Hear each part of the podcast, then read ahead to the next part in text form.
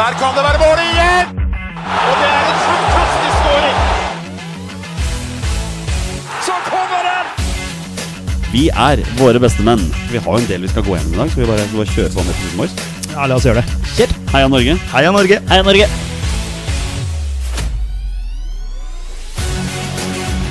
Takk, Ole Gunnar Solskjær!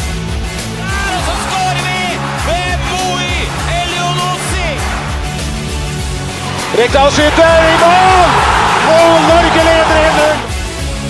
Så kommer den! Det er Tariq Elunussi som har sist på den! Martin Ødegaard! Hjertelig velkommen til det som er tidenes aller første episode 147 av Våre bestemenns podkast om norsk landslagsfotball.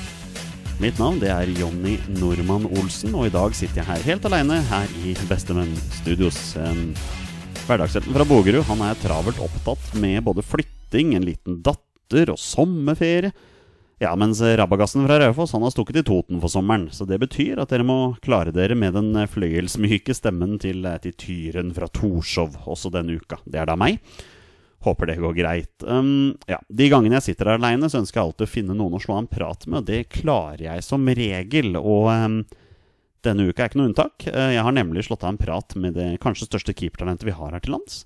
Og det er Sondre Rossbakk. Um, vi har snakket om karrieren hans opp til dette punktet her, hva slags ambisjoner han har som keeper, eh, sesongen til Odd hittil, hva fremtiden bringer på både klubb og landslag, og, eh, og mye, mye mer, egentlig. Så da tenker jeg at jeg skal slutte å sitte her og snakke med meg selv, og setter rett over til dagens intervju. Mine damer og herrer, her er Sondre Rossbakk.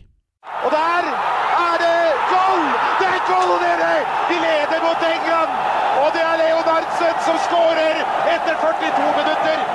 Dagens gjest nærmer seg 200 obligatoriske kamper for Odd. Han har 47 aldersbestemte landskamp for Norge, og han fikk sin debut for U21-landslaget når han var 17 år gammel. Han har en far med seks A-landskamper for Norge, og i fjor ble han sjøl tatt ut på A-landslaget for første gang. Dagens gjest er Sondre Rossbakk. Velkommen til pod, Sondre. Tusen takk. Hyggelig å bli invitert. Ja, det er Hyggelig at du tok deg tid, selv om det er sommer. Men det er kanskje ikke sommerferie for eliteseriespillere? Nei, det blir lite sommerferie på oss i år. Vi er jo inne i en eh, ekstremt hektisk eh, periode med mye kamper. Så nå er det nesten bare kamp og restitusjon som står på, på kalenderen. Det er vel eh, Det er uvant for dere, det vil jeg tro.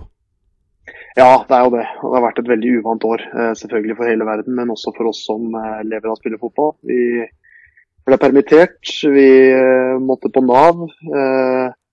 og måtte gjennom hele den regla der. Og så er vi plutselig tilbake nå med en sesong hvor vi må ta igjen masse kamper. Så veldig spesielt, men det, det takler vi bra, det. Det er vel, altså det er jo fotballkamper dere fotballspillere lever for å spille. Er det sånn at Syns du det er for mye kamper nå, eller er det deilig at det er så mye kamper? Det er bare deilig, egentlig. Så er ikke sikkert alle, alle utespillerne som løper eh, rumpa seg utpå der, er helt enig i det. For de blir nok sikkert mer slitne enn meg. Men eh, det er som du sier, det er kampene man lever for, så det er jo bare gøy. Og som keeper så klager du ikke. Som keeper så klager jeg ikke. Det gjør jeg ikke. Ikke sant? ikke sant? Du, du, du var inne på det, så vi kan bare begynne med det. 2020 har jo vært et veldig, vært et veldig rart år for fotballspillere. Um, Hvordan var reaksjonene i Odd-leiren i, i midten av mars, når, når Norge plutselig stengte ned? Det var jo veldig spesielt. Eh, Det var jo på en måte ingen som visste helt hva som, hva som kom. Det kom veldig fort. Det var noe ukjent. Og en situasjon som nesten ikke har vært siden krigen, vel, så vidt jeg har skjønt. Eh, Så folk forholdt seg egentlig bare i ro. Eh, Odd-leiren eh, jeg holdt på å si, tok seg en koronapause. Eh, Det ble jo ikke noe trening sånn organisert. Så det ble jo på en måte en helt ny, helt ny hverdag bare sånn over natta. Hvordan, hvordan var det det var? Altså Var det sånn Dere kom på trening, og så fikk dere bare beskjed om at ja, nei, nå, nå stenger vi, så nå ses vi ikke på en stund? Nei, det var jo Vi hadde akkurat den dagen så hadde vi tilfeldigvis legen, eh, klubblegen innom. da. Han skulle fortelle litt om eh, koronasituasjonen. -hmm. Og når han var innom, så var det jo ingenting som var stengt. Så han sier at ja, dere møter som vanlig i morgen, men dere kan ikke spise lunsj sammen med andre folk, sitte på et eget rom osv. osv. Ja. Og så trener vi, og så går det to timer, og så er hele Norge stengt. Ja. Eh, så det var, det var jo veldig spesielt. Da var det bare å ta med seg treningsmanualene fra treningsrommet og bare komme seg hjem? Ja, Rett og slett. Og det var jo Der og da så visste jo, visste jo ingen hvor lenge det kom til å vare, så det var jo liksom bare å stålsette seg på en eh, lang periode med en annerledes hverdag. Ja, og, og da, da sitter du der, da, hjemme hos deg sjøl, og hva, hva gjorde Sondre Rossbakk for å, få, for å få tida til å gå når alt var stengt? Ja, Da måtte du være kreativ. Ja, Eh, heldigvis så liker man jo å trene, da. Og man eh, har ikke noe problem med å legge ned noen timer hver dag på å trene. Så da var det å finne på kreative hjemmeøvelsevarianter. da, og Være ute i hagen, spille ball. Eh, ja, det blir jo, blir jo bare å få tida til å gå, egentlig. For det var ikke så mye annet man kunne gjøre. hva slags, hva slags kreative øvelser kan en, kan en keeper gjøre på hjemmebane? Det blir jo mye reaksjonstrening f.eks. kan man gjøre. Jeg Mhm. var nede i skapet i kjelleren og fant fram noen gamle tennisballer og små golfballer og sånn. Og så kjørte litt reaksjon eh, med de. Eh, ute i hagen og så gjøre de øvelsene som man gjorde på en løkka når man var liten, på en måte. Eh, så man, eh, man utfordrer seg sjøl litt, da. Ja. Det er ikke bare sånn at man eh, kan gå på trening og bli trent av treneren lenger. Da må man virkelig ta tak sjøl. Det var en rar tid for alle sammen, og selvfølgelig for dere fotballspillere også. Vi kan bare si det sånn. Ja, det kan vi være enige om. Ikke sant? Hvordan, hvordan var det sånn innad i spillergruppa på den tida her? da? Møttes dere på sosiale medier og, og diskuterte måter man kunne trene på hjemme? Var det noen form for kontakt mellom spillerne? Ja, vi har, eh, vi har grupper på, på WhatsApp. Det er stort sett det det går i. Eh, Der, eh, der prater vi sammen, og vi får eh, treningsopplegg. og vi eh, Så fort det var åpna for å trene i små grupper, så gjorde vi jo det. Det var jo fra en eller annen gang ut i april, så var det vel åpna for fem og fem. eh, Så det kjørte vi en del av. Men det verste var jo den biten at du ikke kunne ha nærkontakt. Du måtte holde en meters avstand. Mm. Så alle savna liksom det å kunne takle, gå en kroppsduell, heade og den biten der. Eh, men det positive med det var at vi fikk eh, gjort en solid jobb fysisk. Da. Vi fikk brukt tida på å løpe og trene på, på andre ting som vi ikke får gjort så mye underveis i sesongen. Nei, ikke sant? Så, så når dere kom tilbake til vanlig organiserte treninger, så var kondisjonsnivået i Odd-leiren bare skyhøyt? Ja, det var faktisk en god del bedre enn det det var eh, før, altså. Ja, men Da fikk dere noe positivt ut av det, Det gjorde det. de gjorde det. Så det skal de fysiske trenerne ha kred for. det. Altså, de, eh, de skjønte tidlig at eh, når vi starter opp igjen, så blir det ekstremt teknisk. Mm. Så de, eh, de gjorde oss rusta for det. Så det var veldig bra. Men hvor, hvor deilig var det sånn egentlig å komme tilbake til en vanlig treningshverdag i gåseøynene? Ja, Det var helt nydelig, selvfølgelig. Det, det er da man skjønner hvor heldig man er som, som kan spille fotball og, og leve av det. Altså, for det er jo det er noe man savner. Så fort det bare går en eh, uke uten, så er det et stort savn. Ikke sant? Men det er klart, dere fotballspillere fikk jo en La oss kalle det for en smørbrødliste med, med restriksjoner som dere måtte følge. Blant annet at det her måtte, måtte komme ferdig skifta på trening, måtte dra hjem og dusje, kunne ikke gå ut og sånne ting. Hvordan, hvordan har de restriksjonene påvirket ditt eh, liv? Eh, man må jo ta litt mer hensyn, selvfølgelig. Men eh, det var jo på en måte ikke noe annet enn det man hadde gjort siden koronapandemien starta i mars her i Norge. Eh, da hadde man jo bare gjort de få tingene man skulle og reist hjem igjen. Så det var jo liksom ikke noe Det var ikke noe naturlig å fly ut på restauranter og kafeer uansett, på en måte. Nei, Så det var ikke noe voldsomt store endringer.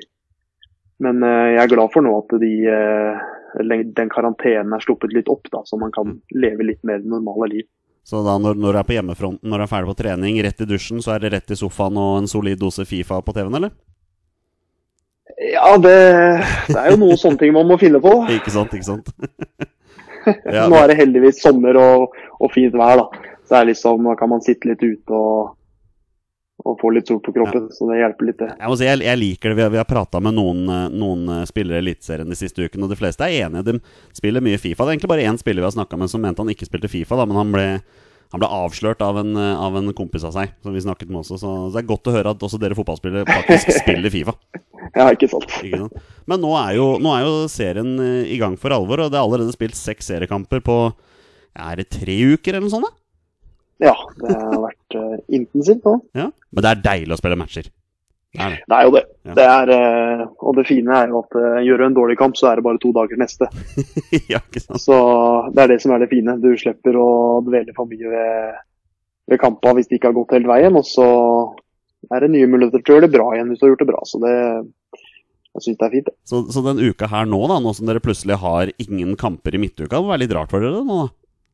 Ja, det blir jo det. Men eh, det er veldig eh, tiltrengt eh, for gutta nå. De, det er noen slitne bein der som har spilt mye kamper. Mm. Så jeg tror det er godt å få en ukes opphold. Ikke sant? Um, hvordan syns du seriestarten har vært for Odda? Seks seriekamper, ellevteplass, syv poeng. Er det, er det der dere ønsker å ligge, eller er dere, er dere misfornøyd? Vi er misfornøyd. Mm. Vi har eh, Ja, hva skal jeg si. Det har variert veldig, det vi har prestert. Vi starta med å tape hjemme mot Sandefjord, som selvfølgelig ikke var etter planen. Eh, og så tapte vi eh, igjen. Eh, og så hadde vi en fin rekke med to seire på rader, før det ble tap mot uh, Bodø-Glimt. Eh, som mange lag har tapt mot i år allerede. Og så spilte vi uavgjort nå da i, eh, i forgårs. Mm. Så det har, eh, det har gått litt opp og ned. Eh, Men det er heldigvis mange kamper igjen ennå, og vi skal, eh, vi skal være mye bedre enn 11.-plass når eh, vi summerer opp til slutt. Du, du hadde en redning i den kampen mot Haugesund som jeg la merke til, og ballen knallhardt så ut til å gå mellom beina dine. Men så, så, jeg tror han traff venstrebeinet ditt og på en eller annen måte klarte å gå over tverrligger. Vet du hva jeg snakker om? Ja da, jeg husker den redningen godt. Jeg var, eh, jeg var litt overraska sjøl. Eller du kan vel si det sånn at jeg hadde ikke helt kontroll på hvor den ballen eh, gikk ut hen. Det traff, traff kneet mitt også ned i bakken og spratt over tverrleggeren. Ja? Men litt marginer skal man også ha som keeper. Ja, ja, ja. Du holdt nullen, og alle fantasy-managere der ute som har Sondre Aasbakk på laget, de, de pusta lettet ut der, altså. Ja, det er bra. Det er veldig bra. I- Ikke sant. Um, du, vi må jo snakke om det faktum at Odd har jo bytta trener før den sesongen her. Etter jeg vet ikke, var det 120 sesonger på rad med Dag Eller Fagermo eller noe sånt i klubben, så er det jo nå Jan Frode Nordnes som erstatter. Hva, hva er annerledes enn det var før? Eh, Det som er annerledes, er at det er litt mer, eh, mer, eh, litt mer frihet. Aha.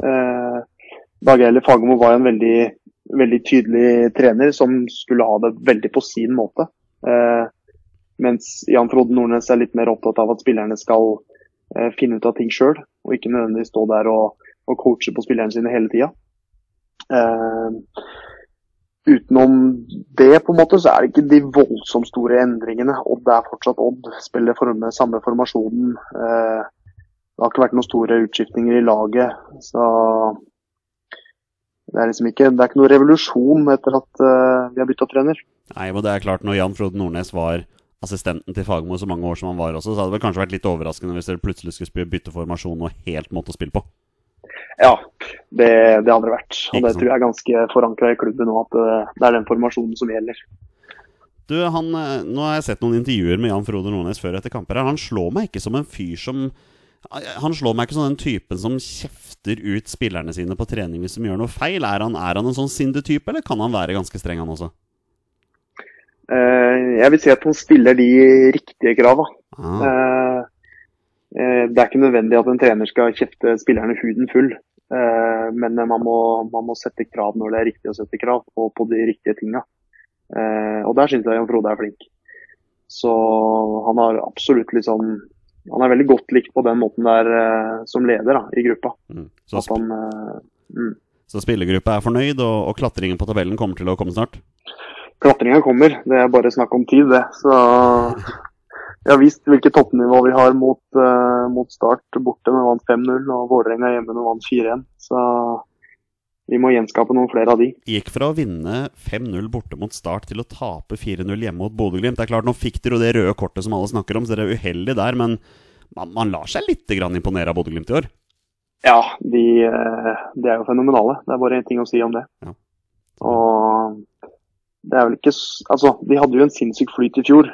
Og det er nok ikke så lett når du mister spillere å opprettholde den flyten og de prestasjonene, men det, det har de klart så langt. og det står respekt av. Ikke sant? Siste spørsmål fra meg før vi går videre til landslagsball her. Det er for så vidt ikke et spørsmål, men vi tre, våre bestemenn, før sesongen så tippet vi tabellen, alle sammen. Um, og jeg og Torstein, som er en av mennene, vi tippet Odd på syvendeplass, mens Petter, som er sistemann, tippa Odd på niende. Hvem av oss tror du er nærmest når sesongen er over? Det blir jo selvfølgelig eh, den som tipper høyest, det. Ja. Vi, vi er jo også høyere enn syvendeplass, selvfølgelig. Men Ja, eh, så da var det vel var det ditt tipp da, som var, eh, var best. Ja, det, du, du Ja. sikter for syvendeplass eller høyere? syvendeplass eller høyere. Det må vi absolutt uh, tørre. Det er nydelig. All right, Sondre. Vi, vi er en landslagspodkast, så vi må jo selvfølgelig prate litt landslagsball. Og um, 10.10.2013, da fikk du din debut på U21-landslaget. Du var kun 17 år gammel. Det stemmer, det? Ja, det stemmer, det. Det, Ja. var, eh, det var tidlig. Rimelig spesielt og, og, og tøft da, av, eh, av NFF å tørre å sette en, eh, en 17-åring i mål på U21-landslaget. Ja, det, det er ikke så ofte man ser at det er keeperen som er yngstemann på laget. Men det var jeg da. da Jeg ble kasta til ulvene, og det var, en, det var en god erfaring for meg. Husker du, husker du hva stillinga blei, og hvem dere møtte? Eh, Var det var Aserbajdsjan, tror jeg? Det stemmer, det, vet du. Ja, men jeg mener vi tapte 3-1 hjemme. Ja, dere gjorde dessverre det. det Det gjorde ikke den beste starten på landslagskarrieren din. kan du si det sånn. Nei, det var det absolutt ikke. Nei. Og så tapte vi vel påfølgende kamp også, tror jeg, mot, uh, mot Israel. Så det, det var ikke den beste samlinga å debutere i, på en måte, med to tap. Nei. Men eh, heldigvis fått flere kamper eh, etter det. Jeg var ikke helt ute etter den. Nei, hukommelsen din er ganske stødig. Det er ganske imponerende dette her. Og du fikk eh, Ja, det ble 28 kamper for U21 da, før du til slutt rett og slett blei for gammel. eh, Og hvis jeg ser på kampene her, du har jaggu vært ute og farta mye med U21-landslaget. Vært i ganske mange forskjellige land og spilt ball. Ja, det, det, det har vært en reise, det. Ja, det kan man si. har, ja, vi har jo, men det er, jeg husker tilbake på det, så var det bare en kjempefin tid. Ja. Reise rundt med en, en god kompisgjeng, spille i eh, om ikke alle verdenshjørner, så i hvert fall alle de forskjellige landene i Europa. Eh, og til og med Kasakhstan liksom, har vi vært i. Så nei, alt i alt en veldig fin tid. Selv om vi ikke klarte å kvalifisere oss til noe mesterskap. Da. Det er jo den, det som er eh, mest skuffende med den perioden, da, når man ser tilbake. For, for, for en som liksom har vært fast invitar på U21-landslaget i så mange år som det du var, hvor, hvor kjipt var det egentlig å rett og slett bli for gammel til å være med på laget? Eh, Det var selvfølgelig kjedelig. Eh, Men samtidig så hadde jeg jo da prøvd å kvalifisere meg til mesterskap fra jeg da var 17, da når jeg var med på U21 første gang. Mm. Og fram til jeg da var jeg var vel 22 vel når jeg avslutta den siste kvaliken. Så det er klart, når man ikke har klart det på så mange forsøk, så må man nesten bare si at nei, nå får neste generasjon prøve. Nå, nå fortjener vi ikke flere forsøk når vi ikke klarer å kvalifisere oss. Ja. Vil, vil du si at uh, gror det godt i Norge på keeperplass uh, framover? Altså bak deg? Ja, det vil jeg si. Ehm, det, er jo, det er jo ikke sånn at vi kan ha liksom fem, seks, syv gode keepere å velge til enhver tid. Norge er et lite land og Mhm. kommer ikke til å utvikle mer enn uh, et fåtall gode keepere. Men det gror jo godt, uh, syns jeg i hvert fall. Og det er, eh, det er som regel alltid bra kvalitet på, på keeperne på de forskjellige landslagene. Så jeg er ikke bekymra for keeperframtida til Norge, hvis det er det du tenker på. Nei, men det er klart at vi som er landslagssupportere er jo litt interessert i å vite hva, hva spillerne tenker om altså. Klart, Nå har vi Rune Jarstein som førstevalg, men han, han nærmer seg 40 med stormskritt. og det er klart at Andre- og tredjevalg i, i Nyland og Grytebuss de, de nærmer seg jo 30, de også. Det, du er jo på en måte den, den yngste og den som veldig mange ser for seg skal være nestemann i rekken. av Sondre, og I fjor så ble du jo ja, i fjor ble du tatt ut i A-landslagstroppen første gang. Bortekampen mot Romania, ikke sant? Mm. Ja.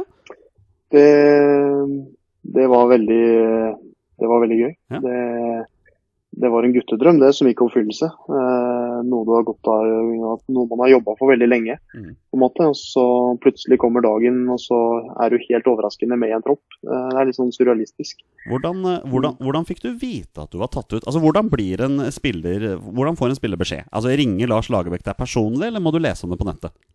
Man, eller Nå snakker jeg bare for meg sjøl, men jeg leste i hvert fall om det på nettet. Jeg satt på, eller hele laget satt egentlig og fulgte med på uttaket. Eh, i, det var vel i mai eh, 2019 der. Fordi da var Torgeir Børven toppskårer i Eliteserien. Og da tenkte vi nå må Torgeir Børven komme seg på landslaget. Men eh, så var det ikke Torgeir Børven som kom med, det var, det var meg, gitt. Og det var, det var nok mange som ble overraska da, inkludert meg sjøl. Ja, du ble overraska sjøl også? Det var, det, var, det var ikke noe du så komme? Nei, det var det ikke. Jeg hadde ikke fått noen, eh, noen eh, varsler på det, holdt jeg på å si, i forkant. Så det var overraskende. Hvordan, eh, hvordan ble du tatt imot av landslagstroppen da, når du, når du dukket opp til første trening? Det var utelukkende positivt. Ja. Eh, alle mann var imøtekommende. Eh, trenerne var veldig flinke på en måte å lære de nye eh, hvordan ting, ting var, hva de krevde på landslaget og den biten. Så det var ikke vanskelig å komme inn i den gruppa ganske fort. Så, så det, var, det var ikke sånn at eh, Rune Jarstein ga deg en kald skulder fordi du var en konkurrent? Nei, absolutt ikke. Og Rune er jo Skiensgutt, så vi kjente jo litt til hverandre fra, fra før. Så det var eh, utelukkende hyggelig det å være på samling med han. Jeg burde kanskje egentlig spurt om det var Ørjan Nyland som ga deg en kald skulder, da, siden han ikke er skjensgutt der. ja, ikke sant. Det var vel, Rune var vel egentlig ikke med første gangen, tror jeg. Da var han skada. Så da mener jeg det var, det var Grytebust og André Hansen Ah. og, og meg som var der. Ja, det kan stemme, det. Ja, ja. Mm, mm. Jeg tror det. Og så var eh, Rune med på den eh, tredje samlinga jeg var med på. André Hansen er gammel Skeid-gutt, vet du. Ja, han er det, ja. Ja, Stemmer. Nå kommer jeg til å få kjeft. Jeg klarte å dytte Skeid litt inn her også. Ja, ikke sant. Veldig god på det. Men, men eh, nå, du, nå har du vært i troppen, og klart nå er det jo lenge siden landslagskamper i det hele tatt. Men det kommer jo åtte, i hvert fall syv eller åtte A-landskamper nå til høsten. og Hva er ambisjonene dine for landslagsfotball? Er du, er du motivert for å være en av de som er med i troppene nå som høsten kommer? Det ønsker jeg selvfølgelig å, å være. Eh, Jeg jobber jo knallhardt hver dag for å eh, vise meg fram eh, på trening i kamper for å bli tatt ut i en tropp. Samtidig så vet jeg at så lenge Rune Jarstein spiller i Bundesliga, er så solid som han er både der og på landslaget, så er det vanskelig å skulle få spilletid der. Men eh, bare det å være med på landslaget som ung keeper er en fin erfaring. Og du har vel ambisjoner om å, om å få noen landskamper etter hvert også, så du er, du er fortsatt ung og har, har tida til hjelp, si. Jeg må i hvert fall slå fattern. Han, eh, han fikk vel seks kamper. Ja. Men han spøker med at han har, eh, han har gullklokka på benken. Da. Han har sittet masse på benken. For eh, når han spilte, så var det jo det var Torstvedt da, selvfølgelig, som var ubestridt nummer én. Og så Grodås var der, Ola By Riise var vel innom. Så det var mange keepere å velge der. Det var det som skulle være mitt neste spørsmål nå, var rett og slett Tror du at du kommer til å få flere A-landskamper enn pappa? Ja, hvis jeg sitter igjen etter karrieren og ikke har det, så er jeg skuffa. Det er jeg si. skuffa, ja. Da er jeg skuffa. Du, eh, det er litt interessant det der. Du har da en, en pappa som har vært ikke bare keeper, men vært keeper på landslaget. Og du, du er jo keeper sjøl. Har, du- har du vært keeper siden du var ung gutt? Nei, det har jeg ikke. Ah. Jeg var, eh, jeg var utespiller veldig lenge. Eh, Jeg debuterte faktisk eh, på A-lag i tredjedivisjon som spiss før jeg debuterte som keeper. Yes. Eh, Så jeg har ikke vært keeper hele karrieren. Men det var litt sånn at jeg, når jeg ble plassert i mål, så likte jeg å stå i mål. Og så skjønte jeg etter hvert at jeg hadde litt talent for det. Så da, da ble jeg bare værende der. Så du spilte, du spilte tredivisjonsfotball. Var det for uredd, det? Kan det stemme? Nei, det var for Brevik. Ah, Før jeg, året før jeg gikk til Uredd. ja, riktig. Da kan du ikke ha vært gamle, gamle fyren. Nei, det var 14 vel, tenker jeg. Oi, oi. Du må ha vært, vært et talent som spiss, da. Ja, Eller at de trengte folk. Ja. Det er vel én en av to, tenker jeg. Nå prøvde jeg liksom å hause deg litt opp her, da, men, eh, Ja, ja, så jeg er flink til å, jeg er flink til å få meg sjøl ned på jorda. Men, eh, men hvor mye har pappa hatt å si da for, eh, for din utvikling som keeper? Veldig mye, selvfølgelig. Han uh, veit jo hva som kreves for å bli en, uh, en god keeper og en landslagskeeper. Han har vært der sjøl. og han har støtta meg hele veien. Uh, vi har tilbrakt mange timer på banen eh, sammen. Så han har vært alt for omega han for min utvikling. Hvem var, det som, eh, hvem var det som tok deg til siden av en ung 14-15-åring og hviska deg i øret at du, du kan ikke kanskje satse på keeper isteden? da? Var, det- var det pappa, eller? Det falt seg liksom naturlig. Eh, men han var veldig åpen. Han spurte liksom bare hva jeg, hva jeg ønska. Mm. For han sa at jeg, han mente jeg kunne Altså, nøkkelen er jo trening, selvfølgelig. Det er det jo for de aller fleste. Eh, men han hadde støtta meg om jeg hadde blitt spiss, eh, midtstopper eller keeper, han. Men jeg tror det var Det var moro for når jeg ble keeper. For der hadde han jo mye mer å bidra med på en måte enn en utespiller. Jeg ser for meg at eh, pappa gikk inn på et av rommene hjemme hos dere og knytta neven i litt sånn jubel når han fikk høre at eh, junior skulle bli keeper, altså. Det er godt mulig. Ja, godt mulig. Du, Vi har fått en, en, noen interessante spørsmål fra lyttere. Siste spørsmål fra meg er jo da det som jeg stiller alle sammen her. Hvis, hvis du sjøl kan velge, Sondre, hvilken klubb drømmer du om å spille for? Det er klart å, å spille for eh, Manchester United en dag, det hadde vært eh, utrolig kult. Ja. Det skal jeg ikke legge skjul på. Du er Manchester United-supporter. Nei, jeg er ikke det. Oh. Jeg har liksom eh, Det er eh, hva skal jeg si, det er mer det at United har liksom Når jeg vokste opp, så var det alltid den klubben som var nummer én. Mhm. Og mitt store forbilde som eh, keeper var Peter Schmeichel. Ja, akkurat. Og han har jeg liksom alltid sett opp til og sett det han har gjort i United.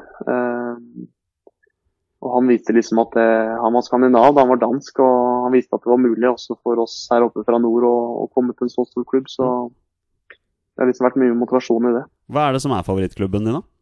Du, jeg er eh, Portsmouth-supporter. Det er jo utrolig kult! Ja, det, det er en variant. Hva er det som gjorde Jeg må ta to minutter om det her. Por Portsmouth, hvordan, hvordan kom det til? Du, det var helt tilfeldig, egentlig. Det var uh, når vi spilte FA-cupfinale i, uh, i 2010. Ja. Uh, så var det David James, da, som på den tida var uh, en veldig god keeper. Mm. Han sto sitt livskamp, og det var bare helt tilfeldig at jeg satt og så på den kampen. Men jeg ble liksom litt interessert i det laget etter det, og så siden så har jeg holdt med dem. Du følger dem tykt og tynt?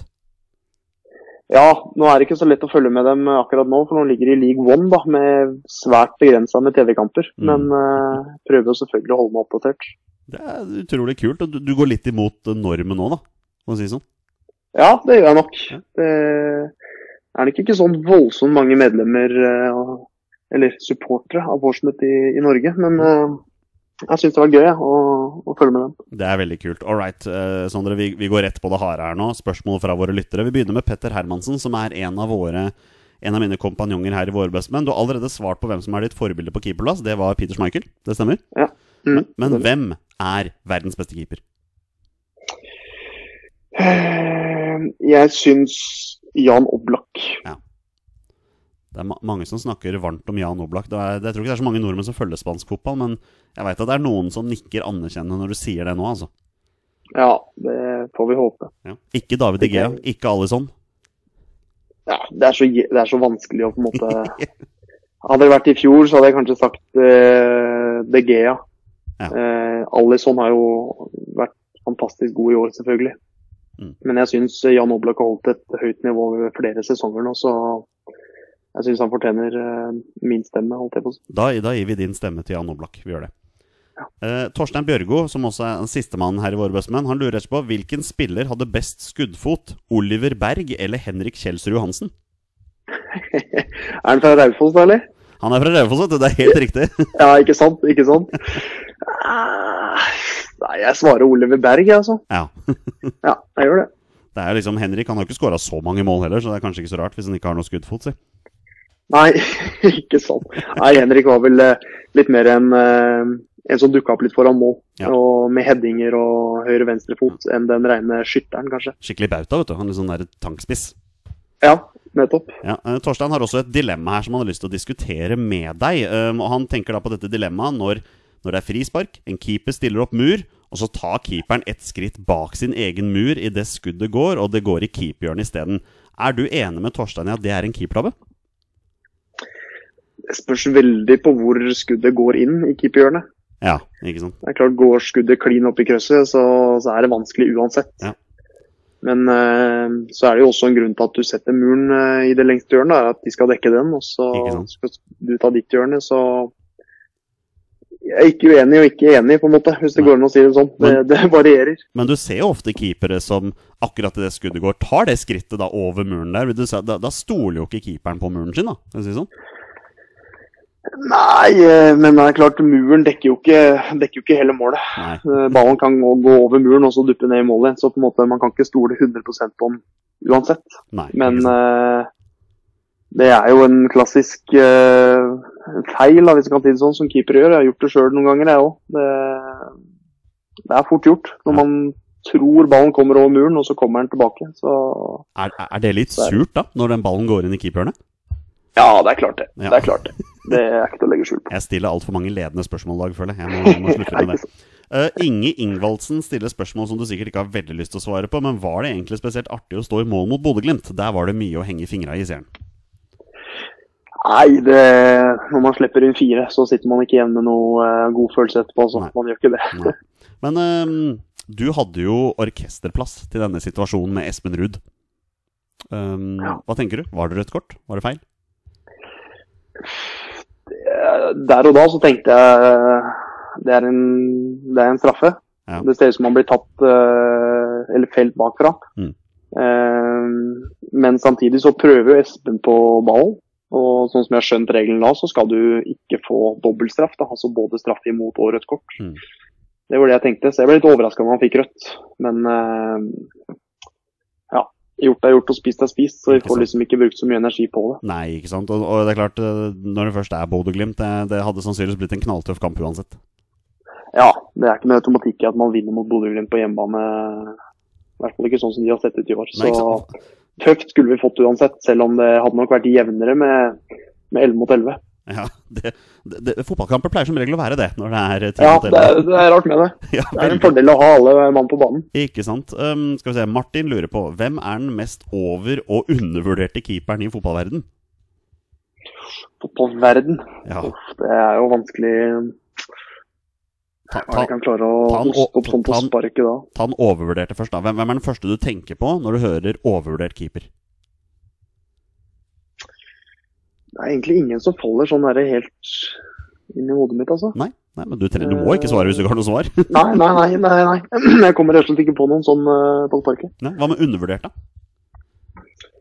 Um, undervurdert kanskje han eh, Jan Sommer. Ja, ja, ja. Han uh, sveitsiske Jan Sommer han syns jeg er veldig, veldig god. Han har gjort mye bra i Bundesliga. Eh, men han blir ikke skrevet så mye om, eller han får ikke så mye haus. Men eh, han tror jeg kunne spilt i en bedre klubb enn eh, der han er nå. ja. Spennende, spennende valg. spennende valg. Um, Thomas Kristoffer Follerås lurer på hvem er tidenes beste norske landslagskeeper? Du, du kan jo svare Einar Aasbakk her, men jeg vet ikke om det er det du har lyst til å svare? Nei, det må vel nesten bli eh, Torst, vet jeg. Ja. ja, jeg tror det. Og så Rune Jarstein på en god nummer to der.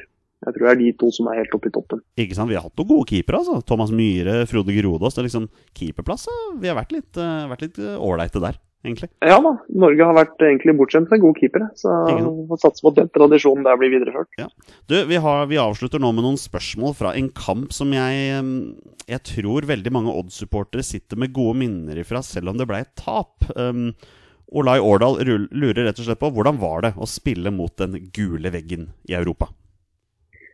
Det var en helt eh, rå opplevelse, det. Ja. Eh, det er jo på en måte Man får en referanse på hvilket nivå man må opp på for å, for å bli topp internasjonal spiller. Eh, og jeg var 18 da jeg spilte den kampen, og det var jo bare fantastisk. Det var et sinnssykt godt lag, selvfølgelig. Mange stjerner. Sinnssykt fans. og det var en ramme rundt kampen som var litt sånn unik i norsk målestokk. Mm. Så det er jo bare gode minner fra den eh, kampen der, selv om du, som, som du sier at eh, det ble jo tap. Hvordan, hvordan var det egentlig for en 18-åring? da? Altså Du har hele den der massive gule veggen bak det ene målet her. Trodde dere at det skulle komme så mange bortsupportere til den kampen?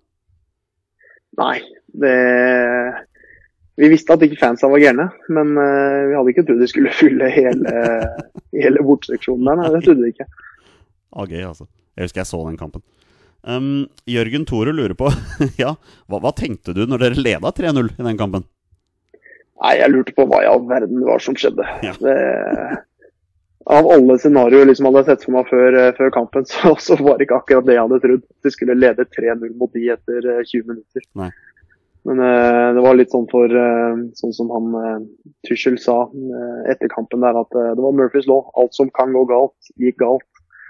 De første 20 minuttene for, eh, for Dortmund. Ja, Det gikk vel bare et minutt der før Jone Samuelsen alle sammen heada inn 1-0, liksom. Ja, ja, ikke sant. Så, Var ikke så gæren kamp fra Rafik Seknini også, hvis jeg husker riktig. Nei, han fikk jo kickstarta karrieren ordentlig, han, på, i den kampen der. Ja. Så det var gøy for det. Ja, Men uh, som du sier, det ble tap. Jeg tror dere tapte 4-3, kan det stemme? Ja. Ja. 4-3 hjemme og 7-2 borte. Ja.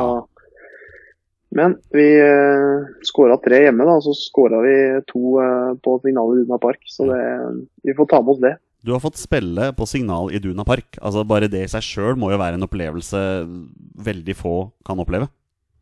Ja, det var eh, helt brøy stemning. og Veldig høyt lydnivå. Det var ikke lett å holde praten med forsvarsspillerne sine ja. der ute. Du, Eh, tok, tok du deg sjøl i å liksom bare stoppe opp og titte litt bak deg? Og bare se på den der gule veggen som var bak, eh, bak mål? Ikke, ikke underveis, egentlig. For da er du liksom så mye i din egen boble, og du må, må konsentrere deg. For eh, Det var jo eh, Altså, Dortmund angrep jo annethvert minutt omtrent. Det var jo et kjør mot vårt mål. Ja. Men eh, så var vi faktisk på Vi var på botur der året etterpå. Og da så vi Dortmund Bayern, og så sto vi hele laget da midt i den gule veggen. Og jeg tror det var først da vi skjønte hvor, hvor sinnssykt det egentlig var. da, Mm. Og hvor, hvilket trøkk det er der. Og når da Dortmund skåra mot eh, Bayern, så kom det liksom da ølglass bare fykende nedover tribunene. Folk ble, folk ble dusja i øl og Ja, det var, eh, det var sinnssykt. Det, det tror jeg på. Du, du, du får, det får være et minne du tenker på når du avslutter fotballkarrieren din om La oss si det er 20 år til, da. La oss si det er 20 år til Sondre Aasbakk avslutter fotballkarrieren sin.